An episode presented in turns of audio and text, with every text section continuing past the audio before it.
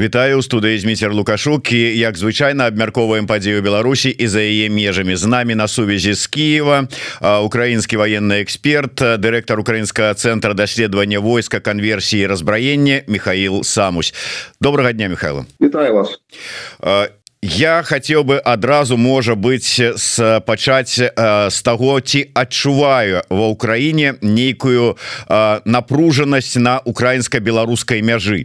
Ці ёсць нейкія прыкметы э, Ну что э, нейкая небяспека павялічваецца? Таму что напрыклад лукашенко э, адчувае что нейкая небяспека з боку Украіны ёсць. Вот э, я уже не кажу про диверс диверсантаў якіх Украіна закидывае на тэрыторыю Беларусі про праз дзень праз дзень два-тры раза на тыдзень сказаў лукашенко хтосьці застаецца ў Беларусі з нейкімі там тэрарыстычнымі мэтамі хто-то ідзе далей у ва ўкраіну але э, заўчора выступаў э, так званы міністр обороны Беларусі хренін які расказаў про тое что Украіна трымае на мяжы ці то 112 ці то 114 тысяч солдат ввогуле невядома что робіцца. Скаж і ледзь там не рыхтуе напад на Беларусь. Что адбываецца опишите ситуацию. Ну дійсно графік існує там засилки диверсантів. Я думаю що він виконується. Постійно кілька диверсантів регулярно закидується. Лукашенко за цим дивиться і контролює ставить галочки щоб все було як як треба. Що стосується реальної ситуації то насправді ну всі слідять більш-менш за тим що відбувається на фронті. Зараз найбільш напружена ситуація звісно на Донбасі де росіяни намагаються прорвати фронт після окупації Авдіївки. Вони відчули кураж, і фактично, от останній тиждень був такий е, дуже активний з точки зору намагання прориву оборони е, і на півдні. До речі, вони в напрямку роботи. на це е, там, де українська армія проводила контрнаступ на е, Токмакському напрямку. Це Запорізька область. Так само росіяни намагаються прорвати фронт. Е, особисто Шойгу заявив, що на лівобережжі Херсонської області зачищено вже там е, плацдарм Кринка. Хоча звісно нічого такого не відбулося. Українські війська продовжують там діяти. Морська піхота продовжує операції. Але про що я кажу? Що на насправді зараз найбільш напружена ситуація на сході і на півдні. Українська армія е, в умовах, коли Сполучені Штати, наприклад, зараз припинили допомогу. У нас величезний дефіцит боєприпасів, які заміняються часто тими ж саме fpv дронами. Це е, дрони, які зараз заміняють нам і е, артилерію, часто, і мінометну навіть техніку, і високоточні ударні засоби е, е, намагається стримувати противника. Це виходить дуже важко.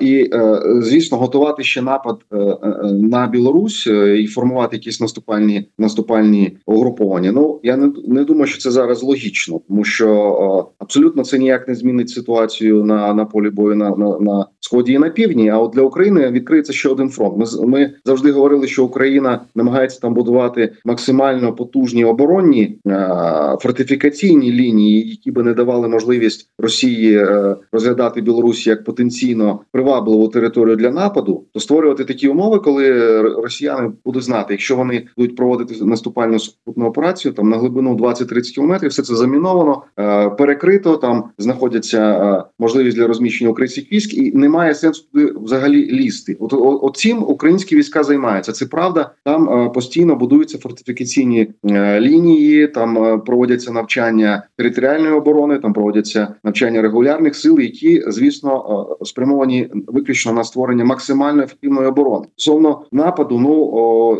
я не думаю, це навіть логіка тут не не відповідає е, загальному розвитку. Е, от сьогодні святкуе савецкае свята там і лукашенко разам со сваімі генералами. І вяртаючыся да тэмы дыверсійных груп Дарэчы мы так і не зразумелі ўсё ж таки калі постоянно то праз два-тры дні это як там почетным дням ці па нецотным дням ідзе засылка. Графік жа ж нейкі павінен быць але я цытую у нас спокойствие і цішина потому что наши парни внедряются в террористические группы с риском для своей жизни, перекрывают каналы поставок в страну смертоносного оружия и боеприпасов, пресекают шпионскую деятельность зарубежных спецслужб.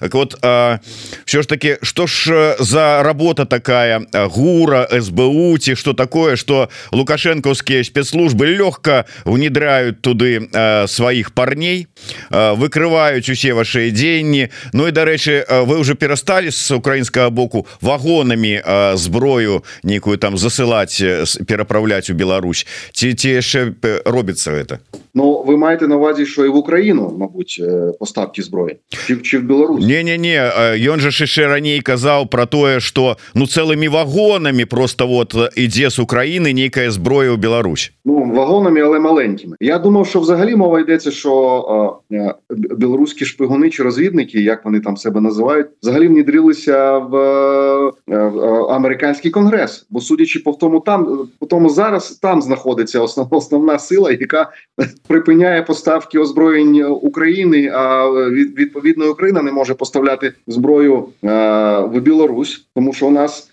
припинились поставки зброї з Сполучених Штатів. І тому я думаю, що вдарили прямо в серце. Тобто ФБР, ЦРУ ну абсолютно проявили свою неефективність. Впроваджено там і спікер, і я так розумію, ну значна частина і в палаті представників в конгресі не допрацювали. Я так розумію, в сенаті. А от в палаті представників є нормальна робота білоруських е, розвідників, які створюють ситуацію, коли бачите, дійсно допомога сполучених штатів припинена, і невід, невідомо чи вона відновиться. Тому дійсно 23 лютого можуть можуть святкувати з ну тобто мають мають право, мають право святкувати сьогодні і випити чаркою.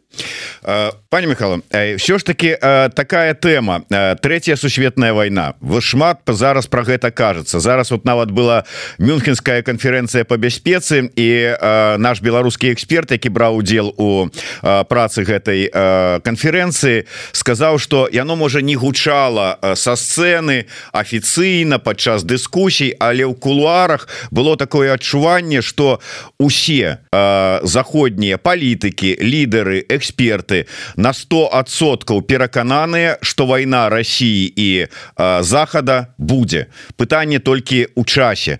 Хтосьці кажа праз год хтосьці праз три хтосьці праз 5 ваша оценка ну, Я думаю, що вона вже йде насправді, тому що у нас є не тільки Росія, у нас є вісь зла, вона така класична. Тобто Росія, яка заробляє, на жаль, продовжує заробляти сотні мільярдів доларів за продажу нафти і газу, має можливість інвестувати е, великі фінанси, наприклад, Північну Корею. Зараз Північна Корея перетворена на великий військовий цех Росією, де виробляється, відновлюється виробництво, створюються нові заводи боєприпасів. Тобто Росія зараз воює е, значною мірою північно-корейськими боєприпасами. Російська промисловість не е, встигає за темпами е, фронту, і тому мільйони боєприпасів йдуть різного номенклатури, йдуть з північної Кореї. Плюс Північна Корея е, за допомогою російських грошей, які до речі, то дуже цікавий цикл. Росія за юані продає нафту Китаю. Потім ці юані інвестує в північну Корею на виробництво боєприпасів ракет. А Північна Корея для того, щоб виробляти боєприпаси і ракети, купляє компоненти і сировину в Китаї знову ж таки за юані. Юані повертаються до Китаю. Всі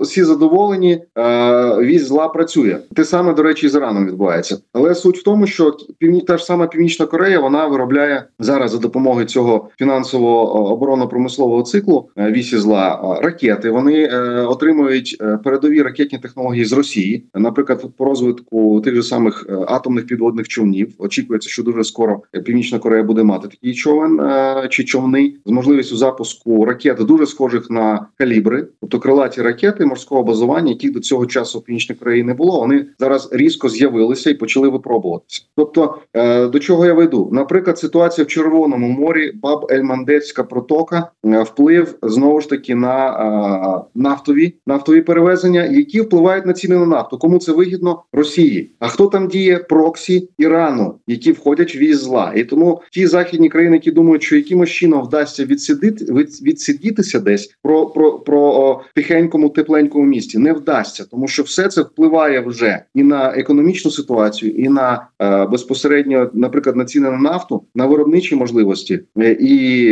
ну а в Україні, наприклад, е, або в Червоному морі, або в Ізраїлі, або в інших регіонах е, впливає безпосередньо на безпекову ситуацію, на військову ситуацію, і далі буде лише гірше, тому що насправді зараз дуже важливий дуже важливий момент. Зруйновано повністю будь-які інструменти чи режими контролю за ракетними технологіями і за ядерними технологіями. Знову ж таки є різні оцінки, що Іран ось ось ось уже офіційно представить свою ядерну зброю, і це буде буде вже наступний етап розвитку вісі зла. А в цей момент е, наші західні партнери думають, е, чи вдасться їм уникнути цієї війни. Не вдасться, звісно, вона вже йде. Причому е, дуже відкрито, дуже ефективно з точки зору вісі зла. Е, Китай грає там свою роль. Він е, як би говорить, що офіційно він за мир, але він безпосередньо забезпечить у системну підтримку на сировинному, фінансовому, е, технологічному рівні, е, забезпечуючи цю цей цикл виробництва військової техніки, боєприпасів, ракетної техніки.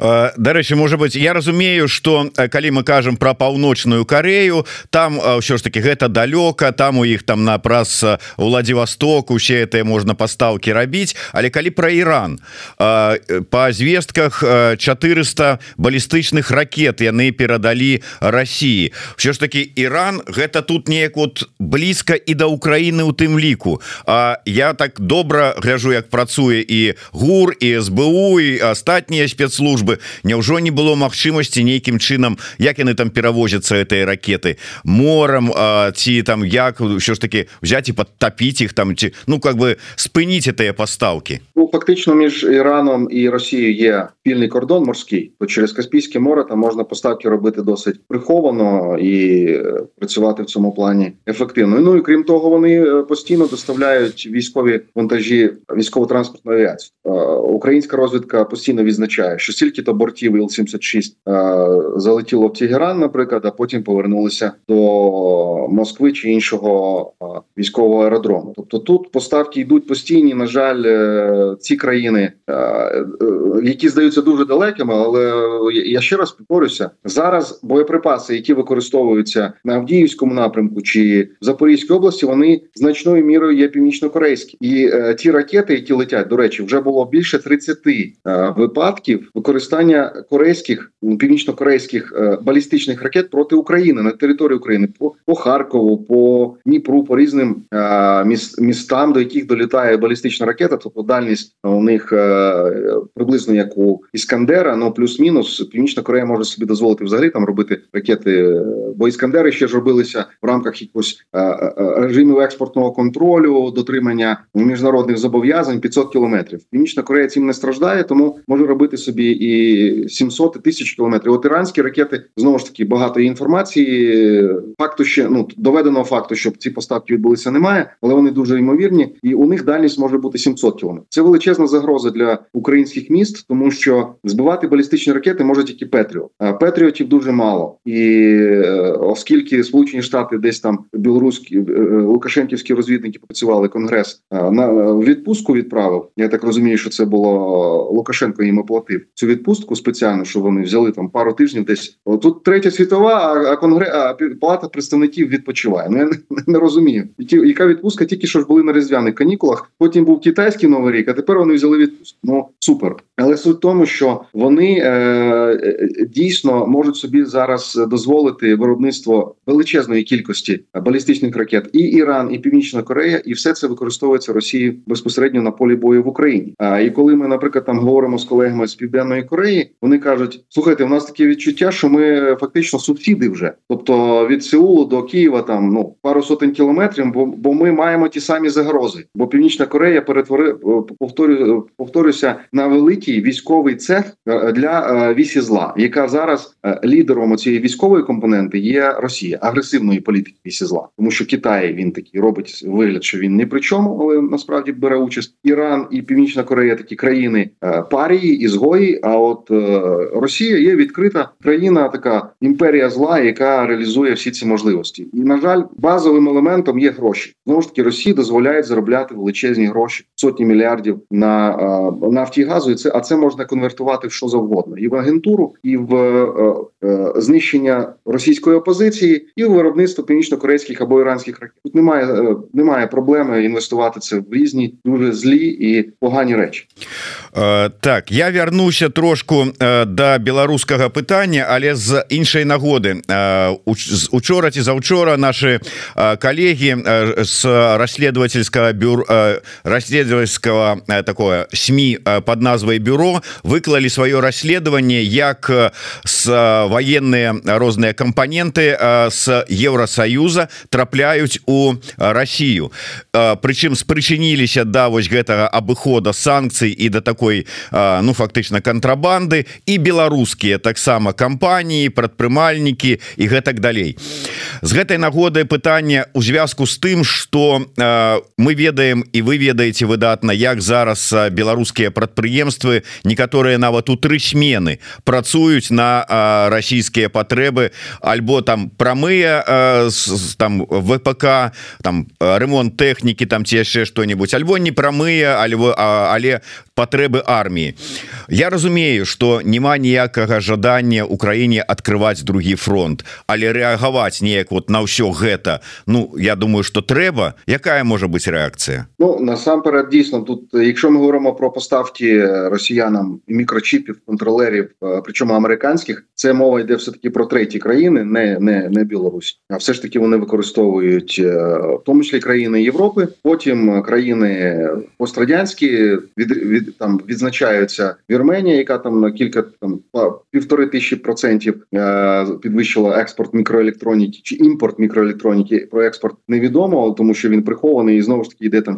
через Киргизстан, Казахстан е, та інші країни, і потім попадає до Росії, тому що і до Ірану, до речі, тому що е, були ж проведені дослідження, в тому числі українцями, про те, що той же шахет він на 80% складається з західних електронних частин компонентів. Це це просто ну жах. Просто 80% американські мікрочіпи, ну або тайванські, або, наприклад, Тайвань поставляє свої станки е, десь через треті країни, а потім це попадає все в Росію. А станки це означає, можливо, вони і Білорусь попадають. Я не знаю на ці військові підприємства, тому що станок це означає тобто високоточний станок цифровим програмуванням. Це означає можливість виготовлення тих же самих ракет або іншої високоточної продукції е, своїх можливостей в створення таких станків е, немає ні в Росії, ні в Білорусі, але е, яким чином вони туди попадають через треті країни знову ж таки з Тайваню е, або е, навіть Японії або Сполучених Штатів. Те, що стосується Білорусі, ну дійсно питання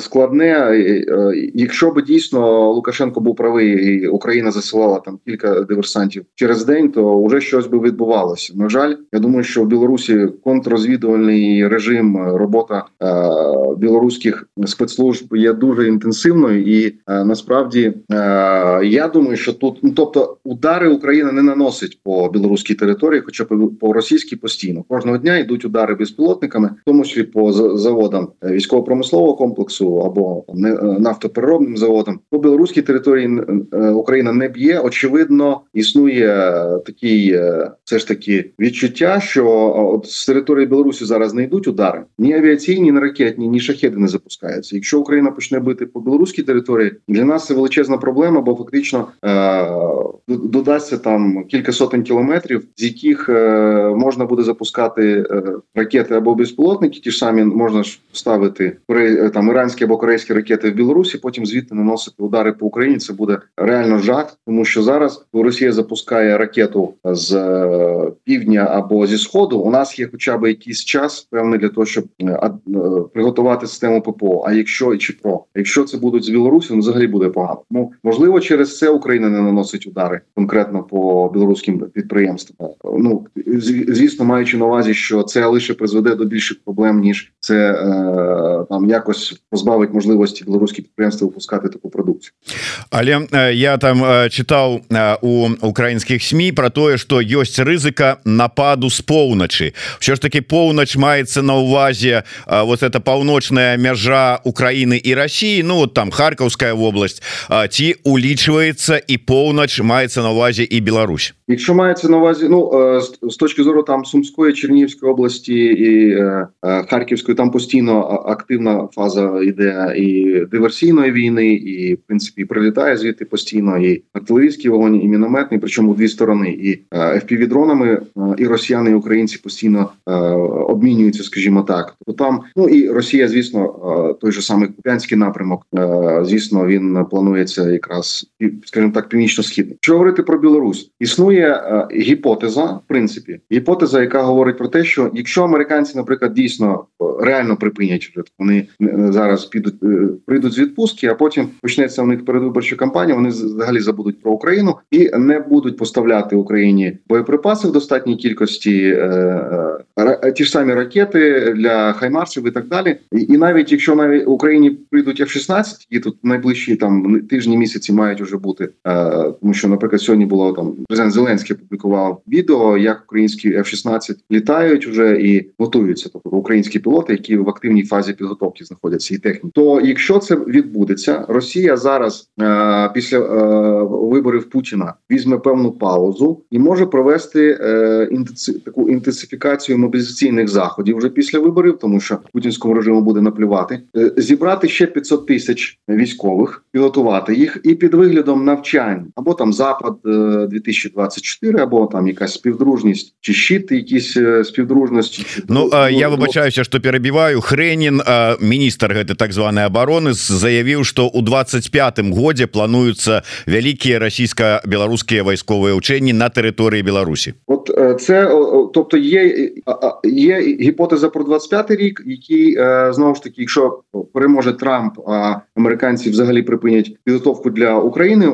Моя думка, моя позиція в тому, що Україну буде схиляти до капітуляції. 25-й рік це буде дійсно дуже важкий для України. Тому я кажу, що зараз є критично важливий рік стосовно спроби України переламати хід війни. Хоча звучить це якось на загальному фоні занадто якось оптимістично, скажімо так, чи занадто можливо може хтось закидати, що не враховують реалії е, обстановки, але я просто кажу, як це виглядає в теорії розвитку ситуації.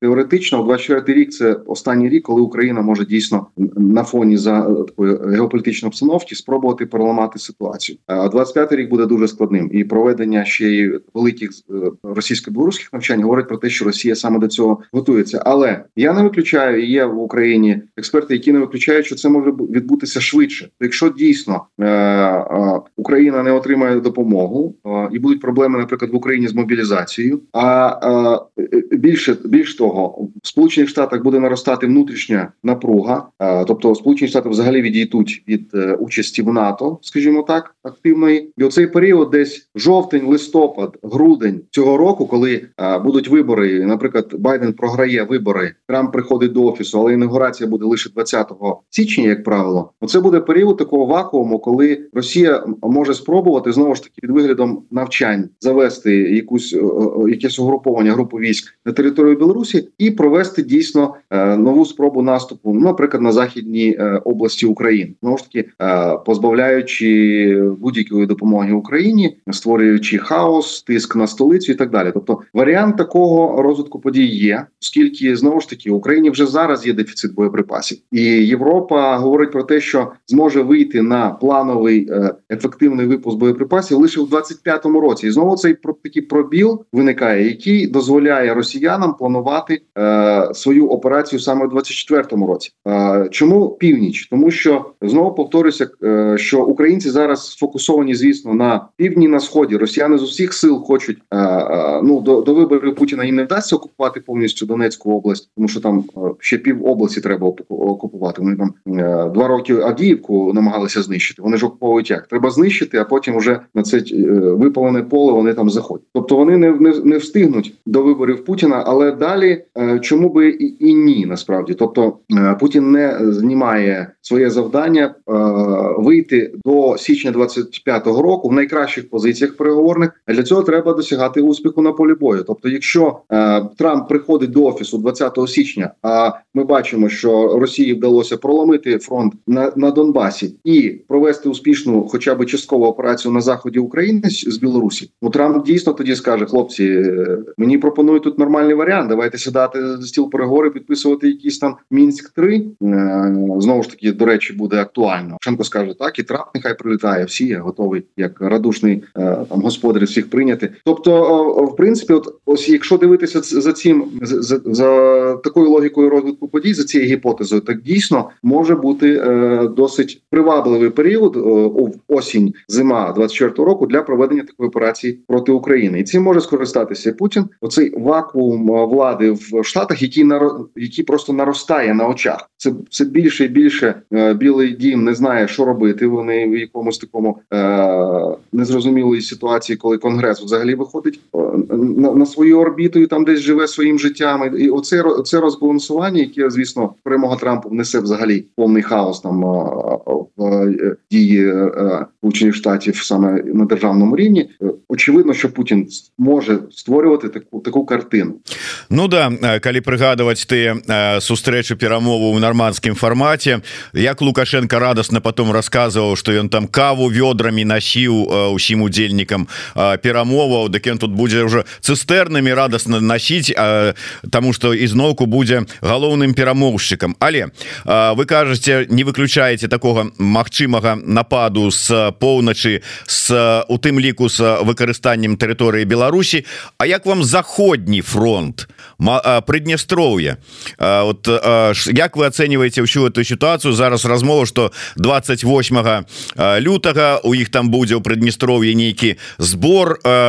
Усе усе прыднестроўска народнага сходу дзе яны плануецца прымуць зварот до Путина? Акурат таки на напярэдадні іх там федэральнага сходу у России каб прыднестроўе прынялі ў склад России. І там же ж ёсць нейкая там групоўка войск расійскіх нападуть з тылу на Україну і все Ну там проблема у них у них там дійсно є там до двох тисяч військ, але у них проблема вони навіть не можуть ротацію робити або поставкою якоїсь зброї, тому що вони знаходяться в блокаді між Україною Молдовою, а там далі ще і Румунія. Тобто для для Росії насправді, коли вони проводили свої операції у 22-му році, на початку своєї спеціальної воєнної операції, то у них один з основних ударів був звісно на Одесу, паралельно на Бісарабію, тобто острів Зміни, наприклад був стратегічною точкою, з якої проекція сили якраз розповсюджилась на Бесарабію, а далі вже там до Придністров'я, ну буквально е, дуже там ну буквально пару годин на техніці, і якраз оцей задум вони і реалізовували. Тобто, але треба було е, контролювати острів Зміїний і, і мати можливість висаджувати десант Бесарабію. Це це вони зараз втратили, а особливо коли вони втрачають дуже часто свої великі десантні кораблі, які мали якраз і бути основним інструментом. Зараз якась військова загроза пряма з боку Придністров'я, вона є досить такою мінімальною. Ну, тобто для них навпаки е, провокація України е, до якихось військових дій може закінчитися дуже дуже погано, тому що ну що таке по нинішнім міркам 2000 військових це просто ну ні, про що, бо це ну вибачте, там пару батальйонів українських може там навести порядок дуже швидко, тому що не можна порівнювати тих військових, які сидять без ротації вже кілька років, і українських військових, які в рамках ротації з фронту їм скажуть, нам треба зачистити якусь територію. Ну окей, тому вони вони е, намагаються не провокувати ситуацію, але я не виключаю того, що буде перед виборами Путіну зроблено такий подарунок. Просто от задекларовано. Насправді у них вже був вже в 2006 році аж референдум, який заявив про те, що там мешканці Придністров'я вони за те, щоб війти в склад Росії, бути з Росії матушки. Тепер питання, е, що вони хочуть закликати Росію анексувати фактично е, Придністров'я. Вчора товариш Медведєв, не знаю в якому стані він говорив про те, що Одеса ждет, вона вже заждалась, і Росія заждалась. Тобто Одесу вони чекають. Там називалися ще українські е, і Київ. До речі, він назвав, що Київ теж е, руський город, і все це е, скоро буде реалізовано. Тобто вони не відкидають жодних планів. І звісно, Придністров'я з точки зору от Одеси і руського регіону Придністров'я, воно, начебто, виглядає логічно. Тобто, з точки зору такого інформаційно пропагандистського російського е, заходу я не виключаю, що це може бути зроблено з точки зору військової загрози. Дуже і дуже гіпотетично. І крім того, тут є важливий аспект. Насправді, що таке Придністров'я? Це е, ФСБшно кримінальна контрабандна діра, яка користувалася в тому числі підписаними з Молдовою з Кишиневом, скажімо так. Ну тому що це територія все таки Республіки Молдова. Підписана з Кишиневом, бо е, на жаль, Придніст... Росії вдалося створити умови, коли оці придністровські придністровська влада є стороною переговорів е, того, що вони не досягли вони в мінських, якраз е, в мінському форматі. Вони ДНР ЛНР не не, не дотисли Україну. А от з точки зору Молдови дотисли і Придністров'я користується тим, що, наприклад, вони зареєстровані весь їх бізнес зареєстрований в Молдові, е, кандидату країна кандидата в ЄС користуються всіми благами експорту продукції і в Росію, і в Україну. До речі, були факти там, але це було ще до широкомасштабної війни. І звісно навмисно в Європу і так далі. Тобто вони весь бізнес користується на таких ось схемах. Більш того, там багато є контрабандистів, які до широкомасштабної війни з Україною були пов'язані, були там українські громадяни. Ну там по п'ять паспортів. Насправді це нормально для придністровців. Всі можливі паспорти, щоб їздити і в Росію, і в Париж одночасно. Це для них, а тим більше, якщо ти якийсь контрабандист високого польоту. Тому для них, наприклад, наскільки я розумію, для контрабандистів це це не дуже добра перспектива. Втрат, тобто, якщо б там почалась якась військова операція, і Україна просто зачистила цей контрабандний регіон, і просто туди би розповсюдилась просто влада Молдови, Республіки Молдова. Це вся контрабанда б закінчилася. Цей кримінальний режим би ФСБшний впав. Це не дуже їм цікаво. Тому я думаю, що вони все таки декларувати будуть. А от е, до конкретних заходів, розуміючи, що Росія в даних умовах ну фізично їм не може допомогти. То що Росія скаже: Окей, ми вас анексуємо. А далі що е, висаджувати десант на Одесу на острів Зміїний знову не зможуть вони це зробити. Тому е, це такі, ну тобто пропагандистсько можна зробити Путіну. Це буде приємно. Ну заявити, бачите, у нас тут зростає підтримка Росії там і так далі. От ми захистимо соотечественників. До речі, я не пам'ятаю хто чи Путін чи Лавров заявляв про те, що вони не не, не залишать в біді соотечественників в Придністров'ї. Була нещодавно така цитата була, і вона а всі ці цитати вони, начебто, ідіотські, але треба їх все таки занотовувати, бо вони інколи потім вилазять дуже і дуже е, практично і, і е, не ідіотські, а просто кроваво вилазять десь. Тобто, ця заява, не пам'ятаючи Лаврова чи Путіна про допомогу Придністровцю, вона може бути мати абсолютно конкретні свої реалізації на практиці. Е, сапраўды я чытаў колькі там усяго у этом прыднестроўі і вайскоўцаў як расійскіх так і мясцовых колькі ў іх тэхнікі і ў якім яна стане і на фоне безумоўна украінскага войска досведу вопыту які ёсць у украінскага войска іх тэхнічнаму ўзбраенню. Гэта просто плюнуть і расцерэць як кажуць. І тут как бы с аднаго боку думаешь ну отправілі вот як вы кажаце два батальёны нормальных так у межах ротацыі зачысціць тую і зняць просто саму верагоднасць пагрозы з таго накірунка. З іншага боку я чытаў безумоўна яны ну разумеюць что рыпнуцца ў бок Украіны это для іх смерть але рыпнуцца у бок кішынёва это іншая сітуацыя Таму что маўляў нават на фоне прыднестровскага контингента войска якое ёсць у Молдовы яно яшчэ слабейшае. Ці Мачыма такая сітуацыя і якая вот гэта якія пагрозы? Абсолютно вірно тут зноwu ж таки тоді ну, абсолютно так контрастує тоді ситуація регіональна. Тобто є Україна є Румунія є Молдова. І це все відбувається на території Молдови керівництво якої до речі на початку широкомасштабної агресії намагалося подивитися довкола кола і так е, побалансувати. Потім е, Майя Санду зробила чіткий вибір, і зараз Майя Санду є одним з наших і близьких союзників. Я маю на увазі воєнно-політичне керівництво Молдови. Але тут дійсно провокація і атака на Молдову вона абсолютно можлива, але знову ж таки і Україна і Румунія можуть е, діяти рішуче і швидко, тому що Майя Санду в цій ситуації може звернутися до двох регіональних лідерів України і Румунії з проханням надати допомогу. І це буде тоді абсолютно е, логічно, що Україна і Румунія зачистять е, цей цей е, це лігво ФСБшників контрабандистів ще швидше. Тут єдине питання до готовності Румунії і до готовності самої Майї Санду піти на такий шлях, тому що насправді то в Молдові, в самій Республіці Молдова, не так все скажімо так, як кажуть російські пропагандисти, однозначно з точки зору якраз підтримки самої Майї Санду і підтримки Росії, тому що до широкомасштабного е, е, наступу Росії я сам бував у Молдові е, і на заходах, і проводили ми там дослідження. Ну буквально було 50 на 50 насправді тих людей, е, громадян Молдови, які підтримують європейський курс, і ті, які кажуть, що Росія ж нам ну не ворог. Ми ж е, жили там в одній сім'ї. А взагалі, ми ми не румуни, там і ми молдовані, і ми маємо там там е, боротися за свою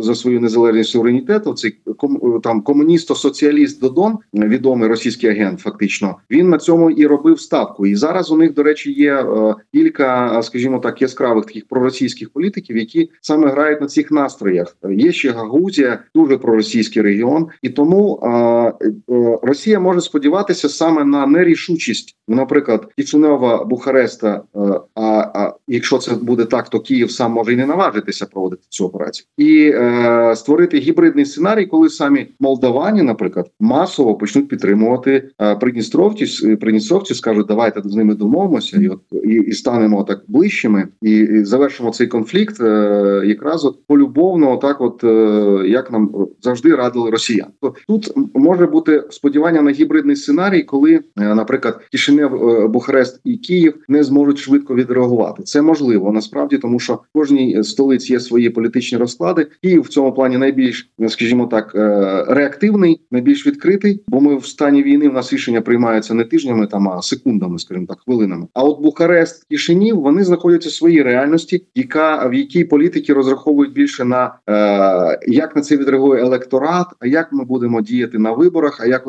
і так далі. Тобто вони діють більше як класичні європейські політики, які завжди аналізують електоральне поле спочатку, а потім приймають рішення, і це на це можуть розраховувати якраз росіяни, які планують такі гібридні операції, чітко розуміючи слабкості європейської демократії. Ну і на завершэнне я не буду задаваць пытанне про сітуацыю на фронте мы усе гэта бачым что Мачыма безумоўна аўдзеўка усім было больно гэта бачыць але я так разумею Ну сітуацыя іншага не вымагала я задам іншае пытанне за апошнія некалькі дзён за тыдзень здаецца Украіна здолела заваліць 7 сушак Дякуючы чаму что здарылася і э, калі вот глядзець э, Великабрытанія ўсё ж таки прыняла рашэнне яшчэ ракет сваіх э, адправіць ва Украіну а Германія с таурусамі ізноўку тармозіць. Э, ці атрымаецца пераламіць сітуацыю і все ж таки дамагчыся поставак ракет э, ну хотя б ад Германії Ну з сушками працює очевидно українське ППО і єдина система, яка це може робити, це Петрі, яка може діставати сушки. Чому були чому проблема сушок е, є просто ну е, скажімо так, основною зараз, тому що навіть е, коли українські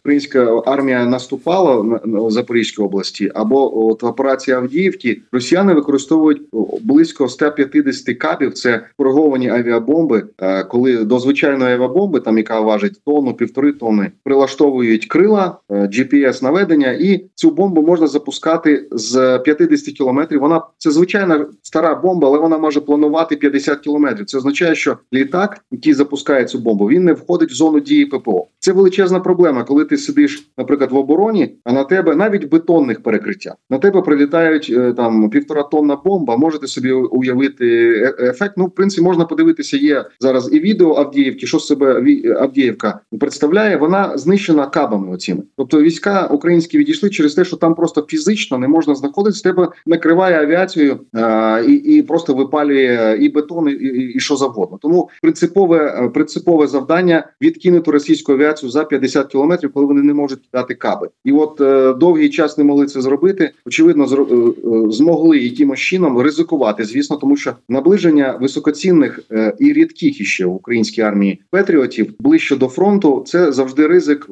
отримати ланцет. Це російський ударний безпілотник або е, інший без е, інший е, іншу ракету, або навіть FPV-дрон російський. Зараз це просто небо насичено цими засобами з обох сторін, і тому наближення такого дорогого зенітно-ракетного комплексу це ризик, але вдалося росіян трошки попустити плані е, е, нахабства, з яким вони використовували ці каби. Ну просто 150 е, бомб це вже було просто занадто. І тому е, всі всі сподівання на F-16. F-16, які мають далекобійний радар і далекобійні ракети, вони зможуть відкинути російську авіацію, і які вже не зможуть е, використовувати каби. Але знову ж таки це буде через тиж, тижні чи місяці. Ми знову ж таки це дуже важко сказати. Тому розраховуємо на F-16, розраховуємо на те, що у нас буде більше патріотів, які зупиняють і іранські балістичні ракети, і російські літаки. Але знову ж таки важливий аспект це американська допомога. Без американської допомоги ми зможемо оборонятися ще протягом 24 року, але очевидно не зможемо переламати хід війни. А тільки з американськими атакамсами це далекобійні балістичні ракети на 300 кілометрів, які зможуть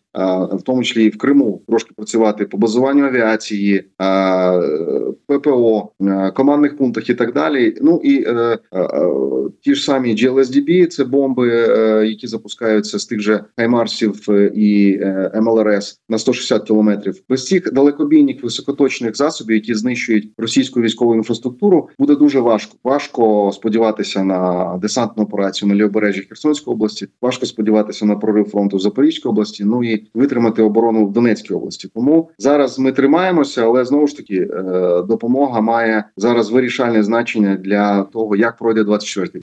Дякую вялікі. На жаль, треба развітвацца. Ну а от вы узгадали про Одесу, якая по словах Медведева там э, просится у родную гавань. Вот варта было б ўсё ж таки нагадать про тое, что можа быть прислухаться і можна будзе пачуць як курылы просятся в родную гавань Японии Карелия у родную гавань Фінлянды Кубань у родную гавань Украины а Смоленск у Великое княство літовское вернуться хоча вот дарэчы Россию насамрэч кто там рассказываюць про Ленина а Россию придумал придумали беларусы Семён полацкі у 60-х годах 17 стагоддзя Так что хай гісторыку не заплутайте не заплутайте такера повністю Карсона бо він, бо він і так в шоці до цих пір Ну такер ладно перажыве як думаю Путину хай раскажуць все-таки Дякую вялікі Михайло самусь з нами быў на сувязі зміцер лукашук працавалі для вас. Слухайте глядзіце подписывайтеся